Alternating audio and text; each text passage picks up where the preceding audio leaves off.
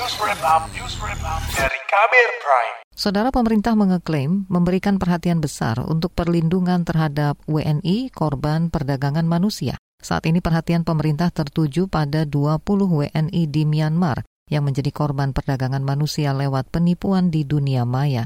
Bagaimana upaya pemerintah dan antisipasi agar kejadian serupa tidak terulang? Simak laporan khas KBR yang disusun Astri Yuwanasari.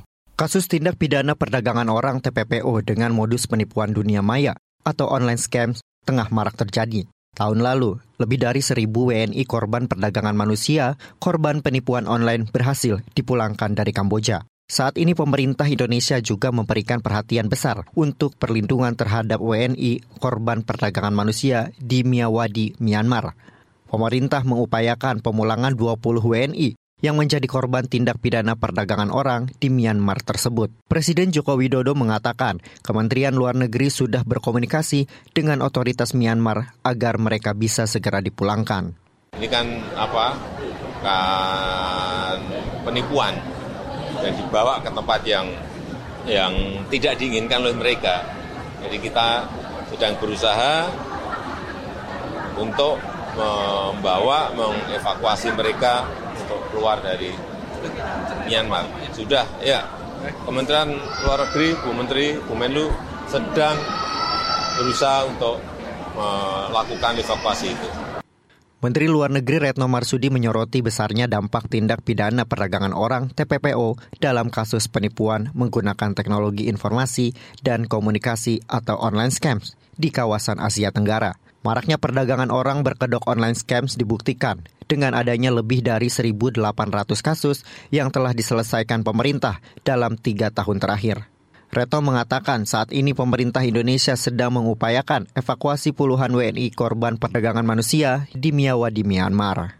Saat ini pemerintah terus melakukan komunikasi baik dengan otoritas di Napido, otoritas di Thailand, otoritas lokal di Miyawadi dan juga dengan organisasi-organisasi lain seperti IOM dan Regional Support Office dari Bali Proses yang ada di Bangkok.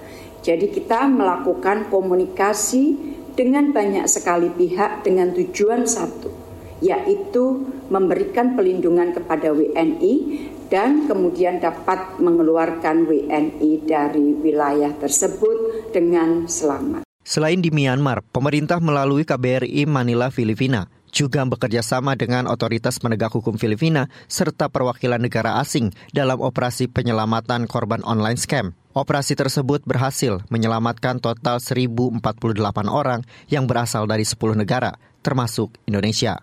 Menteri Luar Negeri Retno Marsudi mengatakan kasus online scam sudah menjadi masalah regional dan mendapat perhatian penuh dari negara-negara di kawasan. Saya ingin memberikan highlight bahwa kasus online scam ini sudah menjadi masalah regional, masalah kawasan dengan korban berasal dari berbagai negara.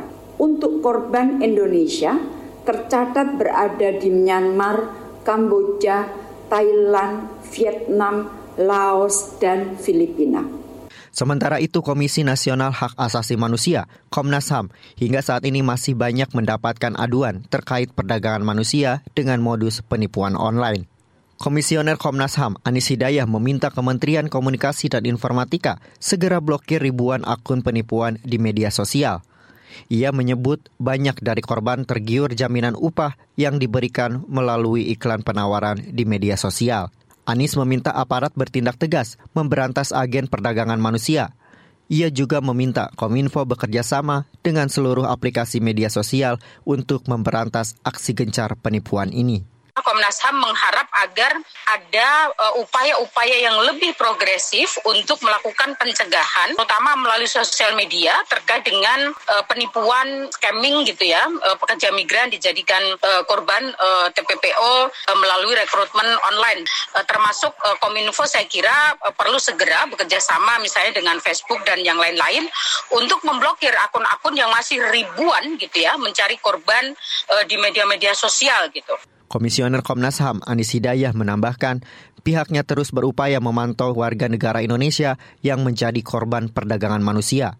Ia juga meminta kepada seluruh kementerian dan lembaga terkait segera memberantas agen TPPO ini. Demikian laporan khas KBR yang disusun Astri Yuwanasari. Saya Heru Haitami.